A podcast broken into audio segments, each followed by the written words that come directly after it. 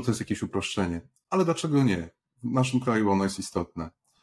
To nie ty, dziennikarko, dziennikarzu, masz się bać polityków, tylko politycy mają bać się ciebie. Dlatego, że twoim jedynym suwerenem jest twój widz. Koniec, kropka. To jest tak proste.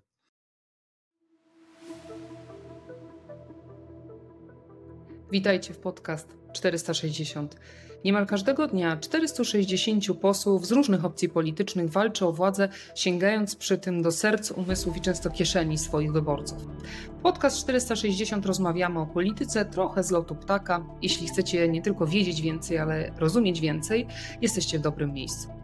Podcast 460 powstaje dzięki wsparciu patronów na platformie patronite.pl. Bardzo dziękuję wszystkim moim patronom. To dzięki Wam powstaje podcast i dzięki Wam mogę myśleć, w jakim kierunku go rozwijać. Szczególne podziękowania kieruję do Hemera Autobosz Service i Michała Szymandyrskiego-Pastryk, marketing społecznie zaangażowany. Dołączajcie do naszej społeczności na patronite.pl, subskrybujcie kanał i komentujcie zarówno na platformach streamingowych, jak i na YouTube. Gościem dzisiejszego odcinka będzie Marek Osiecimski. Rozmawiamy dzisiaj na bardzo ważny temat związany z mediami publicznymi. Marek ma ogromne doświadczenie, jest reportażystą, filmowcem i współpracuje ze stacją TVN24 przy programie Czarno na Białym. Posłuchajcie.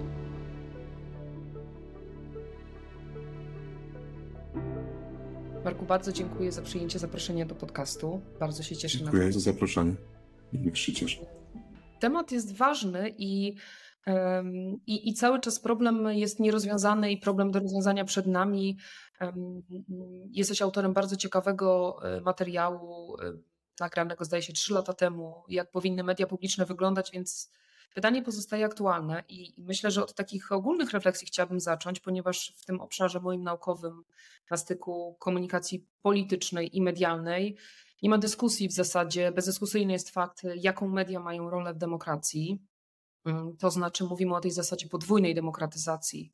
Nie ma wolnych mediów bez demokracji na odwrót. Tak?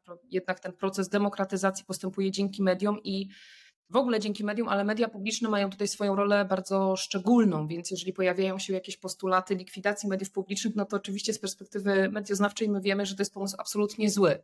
Media publiczne mają fundamentalne znaczenie I, mm, I dlatego raczej dyskusje, które się toczą w nauce, to się toczą nad tym, jak to powinno wyglądać w takim typie idealnym, żeby tę demokratyzację szerzyć, niż ja, że, że należy to na przykład likwidować, jeżeli pojawiają się problemy.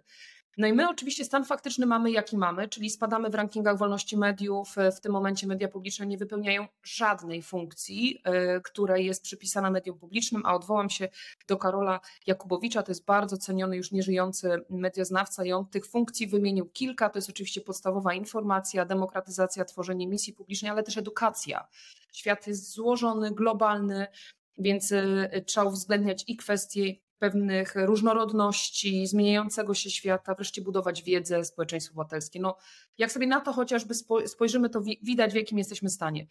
Co Ciebie w ostatnich latach, Marku, najbardziej zaskoczyło w tym procesie upolitycznienia mediów publicznych? Chyba od tego bym zaczęła. Z Twojej perspektywy, z Twoich doświadczeń.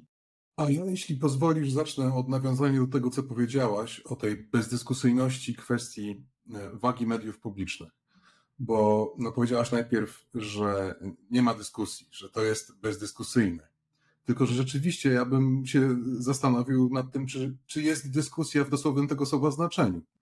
Bo owszem, ym, widzieliśmy się, poznaliśmy się na, na kampusie, gdzie ty prowadziłaś taką debatę o mediach publicznych, ale tak naprawdę jest to przestrzeń niezwykle ograniczona i nie oszukujmy się, nie trafiająca do ogółu społeczeństwa, prawda? Tej dyskusji nie ma.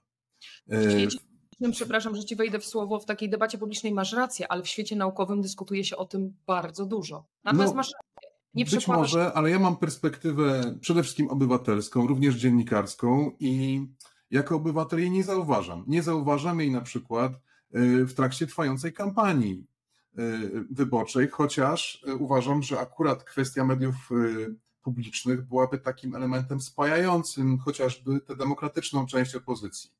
I nie rozumiem, dlaczego od tych największych po mniejsze partie nikt tam nie wpadł na pomysł, żeby właśnie pokazać, że łączy nas na przykład to, łączy ich na przykład to, że chcą uzdrowić media publiczne. Nie rozumiem. ale to jest bardzo symptomatyczne. I, i dzieje się nie tylko, mm, czy nie dzieje się w trakcie tej kampanii, nie działo się już wcześniej, nie dzieje się od lat. A wszelkie te debaty, które się odbywają, też z całym szacunkiem do tej, którą ty poprowadziłaś z koleżankami, kolegami, dziennikarzami, one w taki niebezpieczny sposób skręcają e, w zasadzie, e, no w gruncie rzeczy w pytania o personalia. Mm. Że teraz media publiczne tworzą ludzie, którzy je dezawuują, którzy je niszczą od środka i no, należy to zmienić. I choć nie podejrzewam, że jest taka intencja uczestników tych debat, między innymi Twojej debaty, to, to w takim ogólnym sensie, z lotu ptaka patrząc na te debaty, e, słuchacz czy widz e, tych debat może odebrać takie wrażenie, że aha, czyli to znaczy, że jak oni, ci uczestnicy tych debat teraz wrócą do mediów publicznych, z których zostali wyrzuceni, to oni przywrócą porządek, który był tam wcześniej. A moim zdaniem e, to nie jest kwestia przywrócenia mediów publicznych, tylko stworzenia ich na nowo. Dlatego, że tak naprawdę w Polsce nigdy nie mieliśmy dobrych, porządnych mediów publicznych, takich, na jakie Polacy zasługują. Więc to jest przede wszystkim ta moja perspektywa. To prawda w tym sensie, że mm, dyskusja o personaliach mm, nie ma większego sensu, bo de facto roz, powinniśmy rozmawiać o kwestiach systemowych. Tylko z tej wspomnianej e, debaty, o której, e, do której wracasz na kampusie Polska, bardzo ważnym punktem był reset. To znaczy sytuacja, w której oddzielamy to, co było, no, grubą kreską i tak naprawdę zastanawiamy się, jak te media powinny wyglądać, abstrahując od tego, e, co mówisz, dlatego że oczywiście z mojej perspektywy badawczej e, mogę powiedzieć, że media zawsze były taką, takim bardzo politycznym, smacznym kąskiem.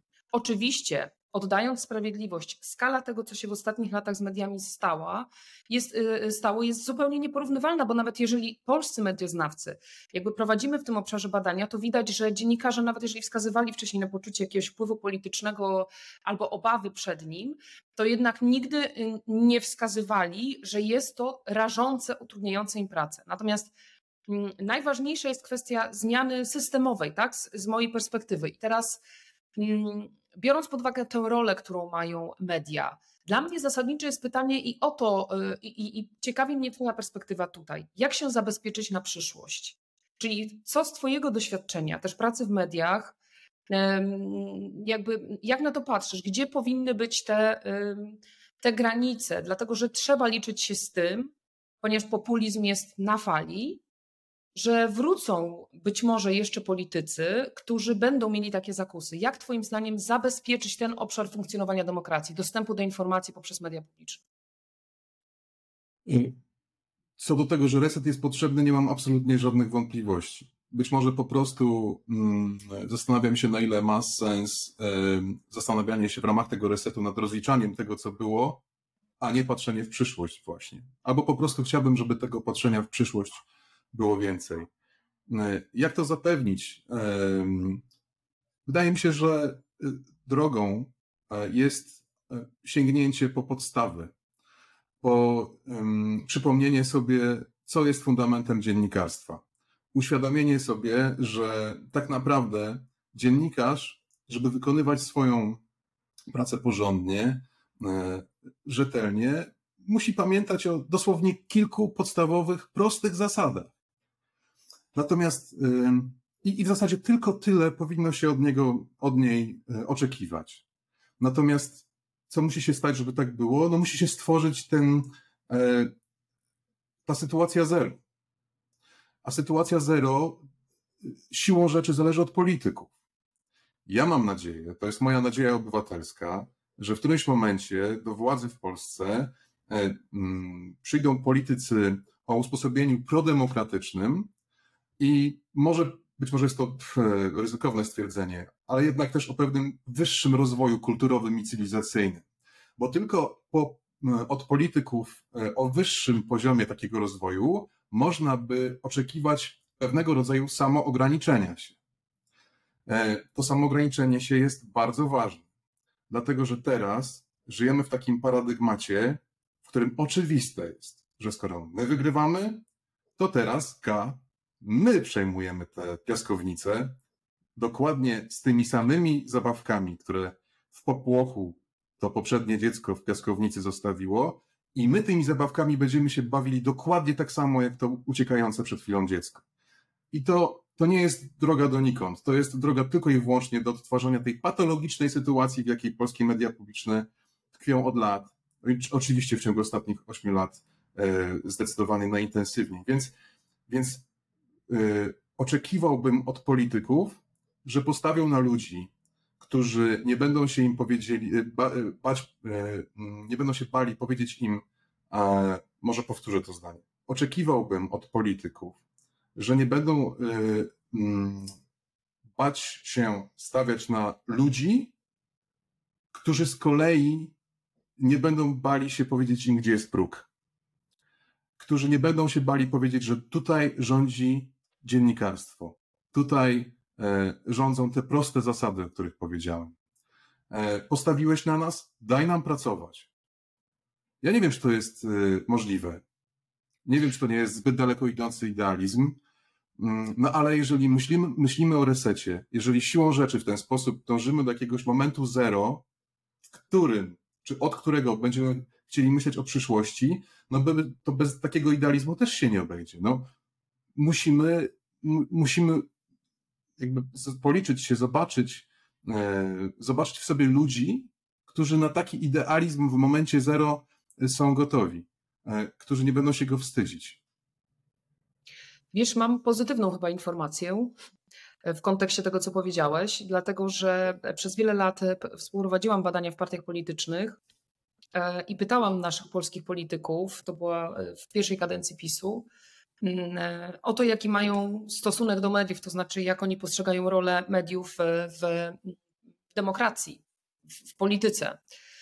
I pozytywny z tego, z tych badań jest wniosek taki, że przedstawiciele partii opozycyjnych prodemokratycznych, tak to nazwijmy, mm, oni pomimo tego, że widzą pewne troszkę narzekali na media, no mówiąc oględnie, to oni jednak e, absolutnie fundamentalnie różnili się od postrzegania roli tych mediów w demokracji od przedstawicieli e, wówczas Prawa i Sprawiedliwości. Więc to jest chyba pozytywne, w tym sensie, że nawet jak sobie tam ponarzekają, no bo to są jednak zawody, które funkcjonujecie z politykami w symbiozie, ale jednak obie grupy zawodowe mają zazwyczaj tam do siebie jakieś ale, to jednak e, absolutnie to było uderzające dla mnie, jak, jak politycy wiedzą, że, że jest obszar, w który oni nie powinni wchodzić. Ci oczywiście po stronie demokratycznej, choć e, tak jak powiedziałeś, te próby zwykle były. Natomiast no jednak ja zawsze będę to podkreślała. Ta skala jest nieporównywalna.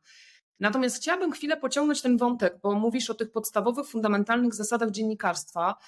E, natomiast tak się składa, że równolegle z procesem kryzysu demokracji e, obserwujemy kryzys dziennikarstwa wynikający z różnych przyczyn, między innymi komercjalizacji, silnej presji ekonomicznej i tak rozwoju nowych technologii. Ale na kanwie dyskusji naukowych pojawia się też takie pytanie: jaki jest udział dziennikarzy w tym, że jest kryzys demokracji i w tym, że jest tylu populistów u władzy. Masz jakąś taką refleksję nad tym, jak, jak mogły się chcący, niechcący media przyczynić do takiego stanu rzeczy? No ta refleksja jest oczywista i, yy, i wynika z bolesnego obserwowania mediów publicznych w Polsce, po prostu. Yy, ja mam tak, że no reaguję z takim wstydem za koleżanki i kolegów, y, których obserwuję. No po prostu jest mi wstyd. W głowie mi się nie mieściło, że można robić coś takiego, co ci ludzie robią obecnie w telewizji publicznej, zwłaszcza w, mm, w kanale informacyjnym, e, czysto informacyjnym. I myślę, że, że to jest spora część tej odpowiedzialności za stan rzeczy, o którym mówisz. Być może sporą częścią odpowiedzialności jest to, w jaki sposób rynek wpływa na media prywatne również, prawda? Bo, bo mamy do czynienia pewną, z pewną taką, nie wiem, pauperyzacją zawodu dziennikarza, być może tym, że no, teraz w zasadzie dziennikarzem, dziennikarką nazwać się może każdy de facto. Już nie chcę wchodzić w szczegóły, prawda? Nie, nie wiąże się z tym słowem, tym pojęciem jakaś konieczność wieloletniego doświadczenia, studiów, ale głównie doświadczenia. W zasadzie wystarczy pojawić się z jakimś przesłaniem w sferze publicznej i już ten, e, to pojęcie gdzieś tam do kogoś może przylgnąć. I to też na pewno wpływa na tak drastyczny, gwałtowny spadek autorytetu dziennikarzy. E, na czym oczywiście ubolewam. Więc, więc żeby być sprawiedliwym, to są te dwa czynniki. I ten polityczny, bo bez dwóch zdań obecnie na, e, na media publiczne w Polsce wpływ zasadniczy ma, mają politycy, politycy władzy, którym ze strony tamtych publicznych mediów nikt nie patrzy na ręce, ale pamiętać należy również o tej zgubnej funkcji rynku i właśnie dlatego potrzebujemy e, zdrowych mediów publicznych. Zdrowych mediów publicznych, które w takim idealnym świecie według mnie powinny być e, e, niezależne tak od polityki, jak i, do, jak i od rynku. Żeby nie musiały na przykład ścigać się mm, na rynku reklam, prawda? Bo wiadomo, że jeżeli ktoś już bierze udział w tym wyścigu, no to zawsze siłą rzeczy przełoży się to na jakość. Dlatego, że mm, no, wydawcy, producenci pracujący w takim publicznym medium, które musi e, walczyć o reklamy, o pieniądze z tych reklam, będą patrzyli na to, co się ogląda, a co się nie ogląda. I wiadomo, że ogląda się to, co jest łatwe i przyjemne, a media publiczne powinny kształtować kulturę, powinny kształtować e, standardy, gusta i nie powinniśmy się tego bać. To, to powinna być również instytucja e, kultury. Teraz tak nie jest. E, media publiczne nie są, ale nie były też przed 2015 rokiem. Punktem odniesienia, takim wzorcem jak metr, metr w Sewr e, pod Paryżem, czy powiedzmy to emblematyczne BBC. No nie były, prawda? Ja, no, no to jest moje doświadczenie, moja perspektywa miałem tę przyjemność i możliwość, i za to jestem bardzo wdzięczny medium, z którym, w którym wtedy pracowałem na co dzień, teraz współpracuję TVN24, że e, miałem szansę pracować na przykład na dłuższych formach reporterskich. E, I miałem swobodę pogłębiania pewnych wątków, które wcale nie są jakieś takie proste, łatwe, przyjemne i oczywiste. Tematy historyczne, społeczne, często bardzo bolesne. Ja to mogłem robić tam, i y, z tego, co widziałem, y, świat zewnętrzny zauważał, że to się pojawia w kanale prywatnym, a nie ma czegoś takiego w kanale publicznym. Więc, więc ta aberracja pewnego rodzaju działa się już, już kilka lat temu. Natomiast to chcę z całą mocą podkreślić, że do teraz to jest wszystko spotęgowane. Mm, I w zasadzie no, no to nie, nie ma przesady w tym, że o mediach publicznych mówimy wyłącznie w cudzysłowie, za każdym razem, za każdym razem dodając e, przymiotnik rządowe. Wspomniałeś, e, czy wspomnieliśmy wspólnie wcześniej o pewnej kulturze podejścia e, polityków do dziennikarzy i do ich pracy i do ich roli w demokracji. Mm, oczywiście uwzględniając te wszystkie ekstremalnie ważne czynniki, o których mówisz, bo również na gruncie Unii Europejskiej toczy się taka E, taka rozprawa, jak ten rynek medialny, w jaki sposób go próbować regulować, żeby właśnie te kwestie gdzieś tam ekonomiczne nie były takim kluczowym determinantem. To zresztą jest ważny element funkcjonowania mediów i publicznych, i prywatnych. Ale mm, w tej odpowiedzialności za stan demokracji mediów publicznych dzisiaj, tu nie mamy wątpliwości, ale chciałabym zakończyć o kulturę dziennikarską także. Ponieważ znowu w medioznawstwie my mamy takie typologie oceny kultur dziennikarskich, czy kultury dziennikarstwa też politycznego. No i oczywiście tutaj są różne skale. No, są te takie obszary skrajne, typu ktoś jest wybitnie podporządkowany politykom i interesowi politycznemu, no ale są klasyczne typologie watchdoga, obserwacji, kontroli, które się e, gdzieś tam tak przemykają z taką funkcją komentatorską. Czyli z jednej strony dziennikarz informuje, ale z drugiej komentuje i e, jakby pokazuje interpretacje, rozwiązania, dyskutuje z problemami.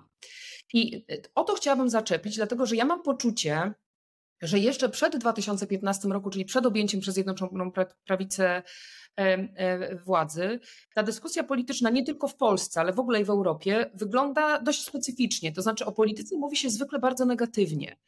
Jest szereg różnych badań, które pokazują, że ta tabloidyzacja, sensatyzacja, takie soft news w informacjach politycznych, które oczywiście mają swoje podłoże w tym, co mówiłeś, czyli też częściowo w ekonomii, ale jednak ludzie mają takie poczucie obrzydzenia tą polityką. I mam teraz pytanie, jak ty widzisz tutaj rolę dziennikarstwa? No bo politycy, że, że da, dają przekazy, które mogą tworzyć obrzydzenie do polityki, to jest jedna rzecz. Ale myślisz, że media przyczyniły się do tego zniechęcenia? Tak, no i w zasadzie mógłbym powtórzyć to, co ten temat powiedziałem wcześniej. Natomiast wiesz, i tu znów wracamy do funkcji mediów publicznych, które powinny być w idealnej sytuacji punktem odniesienia. Dlatego, że znowu aberracją jest to, że w pewnym sensie y, y, omisyjność y, zdarza się zahaczać telewizji prywatnej. Ja nie mam wątpliwości, to jest moje subiektywne zdanie, moja własna perspektywa, że omisyjność zahacza w tym kraju prywatna stacja newsowa TVN24. Mm, można z tym dyskutować, chętnie podyskutowałbym, prawda? Ale to jest aberracja, dlatego że ona wcale tego nie musi robić bo, bo to jest prywatna stacja, która de facto jest po to na rynku, żeby zarabiać pieniądze, a nie po to, żeby, żeby walczyć o wolność słowa dla wszystkich w autorytaryzującym się kraju. To jest, to jest aberracja. E, TVN24 miałaby na przykład prawo, święte prawo do infotainmentu, prawda? Czyli do takiego traktowania, bawienia się trochę tą informacją, traktowania jej jak rozrywkę. Do pewnego stopnia tak zresztą jest. E, ale no właśnie po to, po to powinny być media publiczne, zdrowe media publiczne, żeby na tym rynku jasne było dla dziennikarza, dla wydawcy, dla producenta, co jest, a co nie jest infotainmentem. E, co, gdzie nie powinniśmy y, na przykład śmieszkować, przekazując informacje, prawda? media publiczne w takiej mojej wizji to nie są, to nie jest fajna rozrywka. Wydaje mi się, że to byłyby takie media nawet nudne. Ale ja tęsknię za taką nudą. Ja tęsknię za nudą, którą y, widzę i z pasją się jej przyglądam, oglądając BBC, bo y, jest to moje główne źródło informacji, jeśli chodzi o informacje ze świata, prawda? Tęsknię za czymś takim.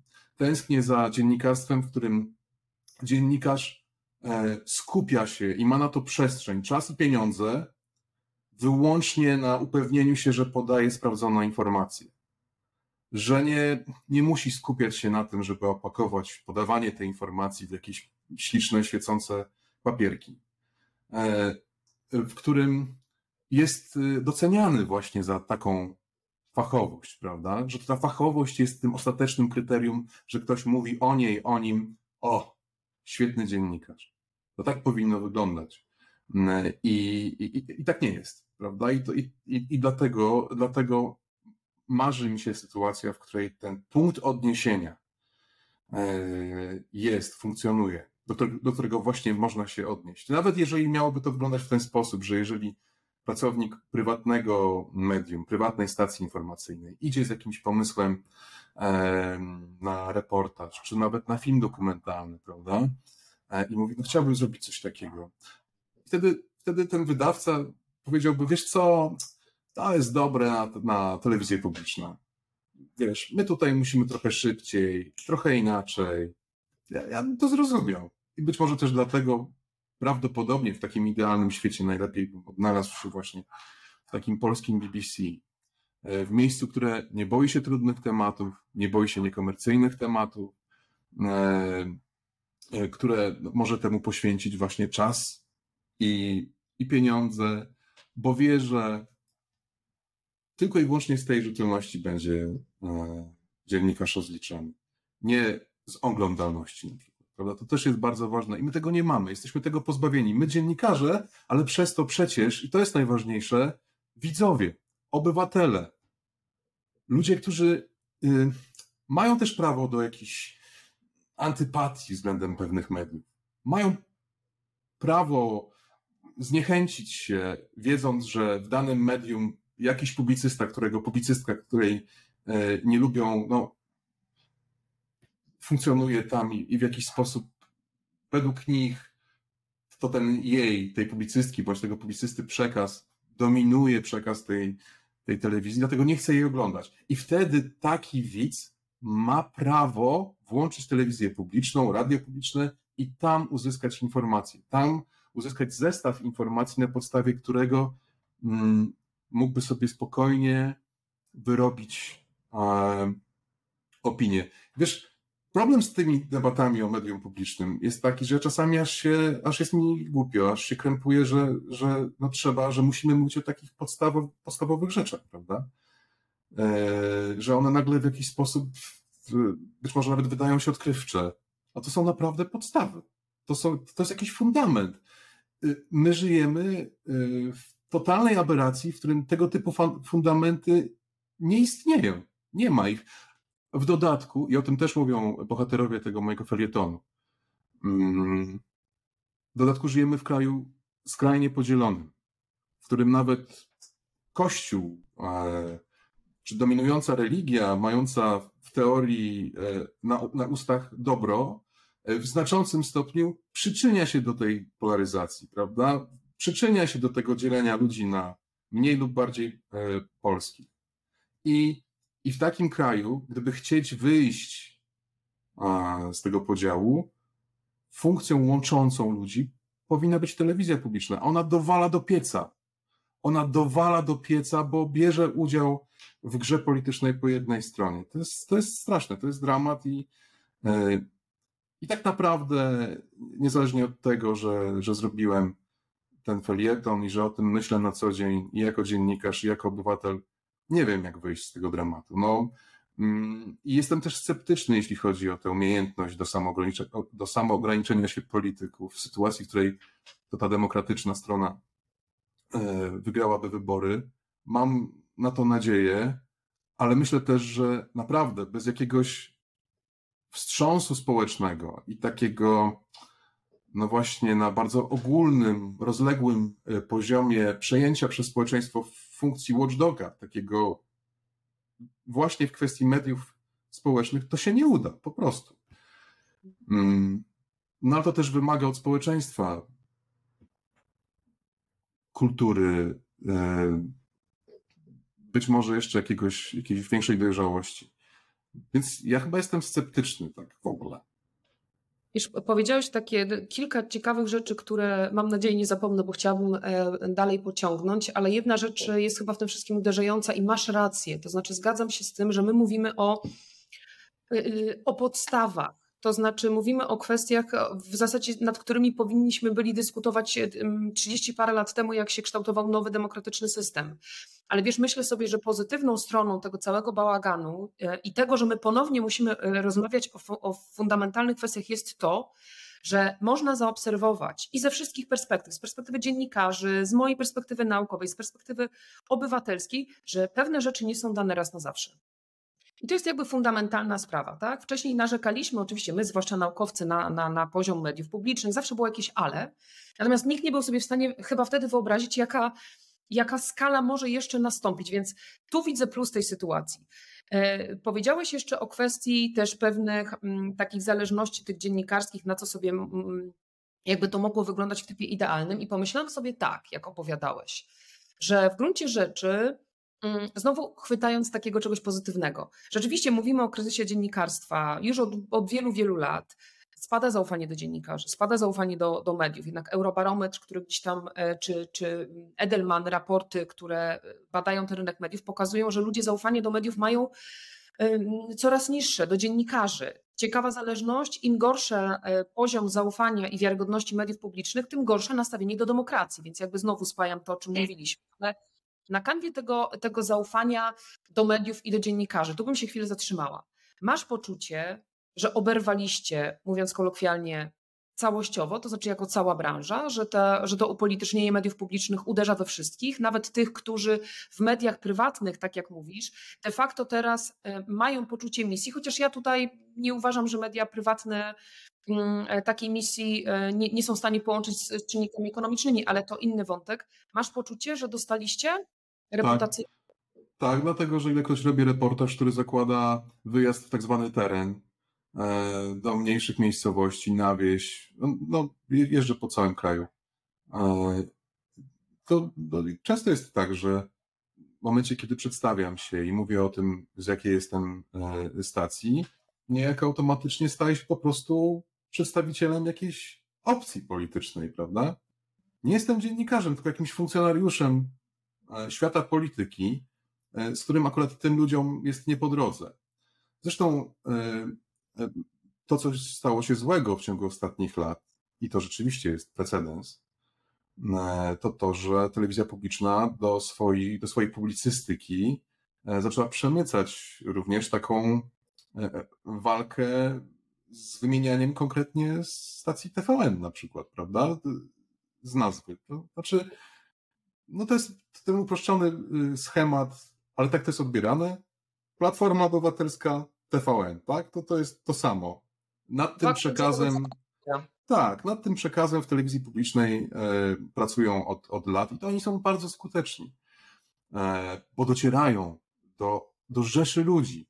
E, z tego też być może nie zdaje sobie e, każdy sprawę, że, że telewizja polska, TVP Info obecna jest no, no wszędzie, prawda? TVN24 nie dociera wszędzie. TVP Info dociera i, i ma tak nieprawdopodobny wpływ na myślenie o, o świecie, o rzeczywistości. Przykład, a to akurat jest przykład z mojego życia filmowca, nie dziennikarza. Tak, ja oddzielam te, te dwa światy. E, pracowałem, robiłem film dokumentalny, o tym się nie mówi, o sytuacji kobiet po pseudowyroku pseudotrybunału e, Julii Przyłębskiej. E, no i ideą tego filmu było to, żeby pokazać perspektywę głównie Mm, kobiet y, pochodzących z mniejszych miejscowości i ze wsi właśnie. No i dzięki temu również, również z tego powodu tam bywałem i, i nawet tak, tak mm, zasadnicza kwestia, e, jaką jest, jaką są prawa kobiet, prawa człowieka. E, tam z automatu przedstawiana jest z perspektywy tego, co ludzie słyszą w telewizji polskiej, w TVP Info e, i w kościele, prawda? I to jest tak silny mechanizm, który wpływa na ich sposób odbierania świata, e, że to też pewnie no, minie wiele lat, zanim, zanim uda się to w jakiś sposób odmienić. I wracając do Twojego pytania, no, na każdym kroku czuję, że obrywamy. Za to, że z dziennikarstwem, głównie z powodu e, mediów publicznych, stało się to, co się stało. Mm, I, i, i to utrudnia pracę. Bo, bo często są to tematy w jakiś sposób oderwane od polityki. Ja zajmuję się dziennikarstwem, powiedzmy, najogólniej rzecz biorąc, e, społecznym. No, to są to tematy, które przynajmniej pozornie nie związane są z taką bieżącą walką polityczną, a mimo to trudno dotrzeć do człowieka. E, trudno uzyskać jego zaufanie, żeby się przed tobą otworzył. Właśnie dlatego, że, że on czuje, że, że ty jesteś częścią tego spolaryzowanego, walczącego świata i że akurat z tą częścią świata, z którego ty jesteś, jemu jest nie po drodze. Wiesz, będę jeszcze mm, trochę trzymała się tego, że każdy kryzys ma w sobie potencjał na zmianę jednak. I e, może to jest naiwne, za bardzo optymistyczne, ale jednak takie mam poczucie, że konstruktywnie wykorzystany kryzys może być dobry, czy może mieć dobre konsekwencje. I myślę sobie, skoro e, mamy ten kryzys demokratyczny, mamy kryzys mediów publicznych bez wątpienia, mamy kryzys dziennikarstwa jako takiego, to myślę sobie, może na kanwie tych wszystkich zmian, e, tych wszystkich problemów i wyzwań, włącznie z nową technologią, z rozwojem internetu, co ma wpływ na pracę dziennikarską, również na politykę też, może to jest szansa dla Was, dziennikarzy, Marek. Może Wy macie bezprecedensowy moment dla siebie, żeby pokazać rolę dziennikarstwa jako nie tylko ludzi, którzy tworzą content, żeby fajnie się klikał, tylko może właśnie to jest moment, gdzie można pokazać, słuchajcie, możemy połączyć kwestie ekonomiczne przy odpowiednich rozwiązaniach z misyjnością, nawet w przypadku mediów prywatnych. Może właśnie teraz jest nasza rola, żeby, żeby stanąć po tej stronie społecznej, czyli interes publiczny, i, i zawalczyć jakby o to, żeby przywrócić pewne standardy. Może, może jednak to, to może być wasz czas w tym wszystkim. Wiesz, czy, fact-checking, kwestia, że możecie się stać takim instytucjonalną ostoją, która w tym całym bałaganie informacyjnym będzie jednak gwarantem pewnej jakości. Mam jakieś takie poczucie, że być może to jest ten moment. To jest ten moment, ale to jest aberracja. E, bo no znów ja jestem bardzo nieobiektywny mówiąc to bo współpracuję z, z TVN24. Y, ja nie mam wątpliwości, że zwłaszcza w, no, w programie, w którym pracuję, którego mm, jestem członkiem, którego zespołu jestem członkiem, reporterem w czarno na białym, nie ma nic ważniejszego niż te standardy. Tam nie mówi się o niczym innym. Tam pracuje się nad y, reportażami e, wiele tygodni, nawet miesięcy. No właśnie po to, żeby się upewnić, że zanim pójdą na emisję, spełniają te standardy, o których mówimy. Tylko, że no, no właśnie, jesteśmy sami dla siebie punktem odniesienia. My oczywiście wiemy, co to jest, czujemy to, e, co to jest rzetelność dziennikarska. Mm, no ale chyba niezdrową sytuacją jest to, że, że tym punktem odniesienia jesteśmy sami dla siebie w pewnym sensie, w kraju, w Polsce. E, więc, więc to jest moja odpowiedź na to pytanie, bardzo nieobiektywna, subiektywna. Tak jak powiedziałem, można się ze mną nie zgadzać, ale ja to obserwuję na co dzień. I to też jest jeden z powodów, dla których e, pracuję tam, gdzie pracuję. E, bo no, no, no wiem, że otaczają mnie ludzie, którzy, nawet jeżeli ja z różnych powodów zapomnę o czymś, to oni mi przypomną. E, I, i razem jakby pchamy ten wózek. Ja mam wrażenie, że to jest takie przekonanie moich koleżanek i kolegów, że, no, że, właśnie, że właśnie tak robimy, to robimy. Tylko, że bardzo łatwo nam zarzucić subiektywizm, prawda? Właśnie dlatego, że, że w pewnym sensie mamy do niego prawo jako medium prywatne, prawda? Że no przecież nikt nie będzie zarzucał dziennikarzom Fox News w Stanach Zjednoczonych, że w swojej pracy, um, czy może pracując patrzą na świat z perspektywy takiej bardziej konserwatywnej, na modłę amerykańską. I nikt nie będzie zarzucał liberalizmu dziennikarzom CNN, też upraszczając, prawda? Bo każda z tych stacji do takiego podejścia e, ma prawo. Oczywiście do tego dochodzą te standardy, do tego dochodzi ten fact-checking i tak dalej, i tak dalej. Wszystko to, co dziennikarz na co dzień powinien robić, ale, ale te media prywatne mają prawo do swojego subiektywizmu. Natomiast e, moim zdaniem medium publiczne powinno przede wszystkim e, skoncentrować się na, na tej idei bezstronności, prawda? Tam, tam już to, czy jesteś bardziej lewy, czy bardziej prawy, czy bardziej konserwa, czy, czy bardziej libek, e, nie powinno mieć znaczenia. Tam powinna mieć znaczenie sucha informacja, e, sprawdzona, sprawdzona. Chcę mieć pewność, patrząc na na tego dziennikarza, na tą dziennikarkę, że, że no jeżeli ona już coś mówi, to, to ja mogę być tego pewien, prawda? Ja mogę wziąć te informacje pod uwagę i, mm, i, i, to wykorzystać. Tylko, że widzisz, mówiąc to znowu, to tak jakbym podważał ten proces y, y, u siebie. Ja tego nie chcę robić. Ja tylko mówię o tym, że, że nawet gdyby nam ktoś zarzucił subiektywizm, to, to my i tak mamy do niego prawo, mimo tego, że na co dzień właśnie TVN24 e, spełnia tę dziennikarską misję. Wiesz, myślę, że to, to nie jest do końca zaprzeczanie, bo ja często staram się w takich dyskusjach o mediach i polityce podkreślać jedną bardzo, bardzo ważną rzecz i ona wybrzmiewa u ciebie, Marek. To znaczy, rzetelność dziennikarska, standardy pracy dziennikarskiej obowiązują wszystkich.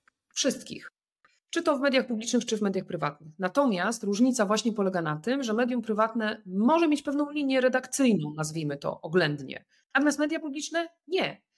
I cała zabawa polega na tym, że jak powiedziałeś we wcześniejszej wypowiedzi, człowiek ma prawo oglądać telewizję, która jest bliska, powiedzmy, jego światopoglądowi. Mówimy o mediach prywatnych. Ale już media y, publiczne nie, ponieważ one mają zupełnie jakby też inne zadania, prawda? Co podkreślam jeszcze raz, mimo wszystko uważam, że nie oznacza to, że media prywatne nie mogą mieć, e, e, nie mogą jednocześnie przy swoim linii jakiejś programowej, redakcyjnej realizować misji, więc myślę, że to się wcale nie wyklucza, a wręcz przeciwnie, wprowadzenie pewnych rozwiązań polega, pomaga realizować, e, że tak powiem, piec, piec dwie pieczenie na jednym ogniu, ale żeby pozytywnie jednak zakończyć tę naszą rozmowę, to powiem, że wielu dziennikarzy, to też w badaniach dziennikarzy, e, badania dziennikarzy w Polsce pokazują, ma takie poczucie misyjności wciąż. E, więc, więc to jest chyba myślę pozytywne, to znaczy, że jest, że jest jakiś materiał do pracy. Jak się rzeczywiście uda wyzerować, to będzie kim to robić, mówiąc brzydko marzy mi się sytuacja, że w tym momencie zerowania, czy po prostu w momencie zerowym, e, zbiorą się ci dziennikarze e, na jakimś rodzaju agory w tym medium publicznym, które za chwilę wystartuje od zera i ktoś im przypomni o tych podstawach, o tych standardach. I ktoś im powie, da taką siłę, też takie poczucie, że od tego momentu może to jest jakieś uproszczenie, ale dlaczego nie? W naszym kraju ono jest istotne. To nie ty, dziennikarko, dziennikarzu, masz się bać polityków, tylko politycy mają bać się ciebie. Dlatego, że twoim jedynym suwerenem jest twój widz. Koniec, kropka. To jest tak proste. A, tą, a ten system suwerenności, to realizowanie prawa e, obywatela do mediów publicznych, możesz wykonywać na co dzień, bazując na podstawach, na kilku podstawach. Miej siłę na co dzień, co minutę sprawdzać, czy to, co robisz, jest z tymi podstawami zgodne. Daję ci gwarancję, że jeżeli będziesz to robił, będziesz miał wolność pracy. Nikt nie będzie na nią wpływał. Będziesz wykonywał jeden z najpiękniejszych zawodów, y, jakie można sobie wyobrazić. E, mam nadzieję, że że w tym momencie zero znajdzie się taka grupa ludzi i znajdzie się ktoś, kto, kto w ten sposób do nich przemówi. W Twoim felietonie profesor Głowacki, mój kolega po fachu zresztą, e, bardzo mm, sensownie zwrócił też uwagę na właśnie ten aspekt tej siły, równowagi sił, w tym sensie, że politycy jednak jak chcą, to mogą ukrócić rynek medialny, co widać na przykładzie państw, gdzie rządzą populiści, zwłaszcza jak mają autorytarne zakusy. Więc jakby przewagę e, taką instytucjonalną politycy nad dziennikarzami zdecydowanie mają. Natomiast tam e, e, Michał Głowacki powiedział o takiej bardzo ważnej rzeczy, że jednak musi być poczucie wśród dziennikarzy, że jest obszar, w którym, w którym ta moc polityków nie ma prawa zadziałać, prawda? Więc to też wymaga pewnej siły, ale, ale no tak, miejmy nadzieję, że ten okrągły medialny stół swego czasu, tak jak mówisz, się zbierze i rozprawi z tym, jak to mogłoby wyglądać. Bardzo Marku Ci dziękuję za Twoją perspektywę, za Twoje doświadczenie i za to, że się podzieliłeś ze mną i z moimi słuchaczkami i słuchaczami. Dziękuję serdecznie. To ja dziękuję za, za Twoje zainteresowanie i do zobaczenia, do usłyszenia. Dzięki. Bardzo Wam dziękuję za dziś. Już w najbliższą sobotę zapraszam na najnowszy odcinek Brief 460, natomiast kolejny podcast 460 rozmowy w kolejną środę. Do usłyszenia.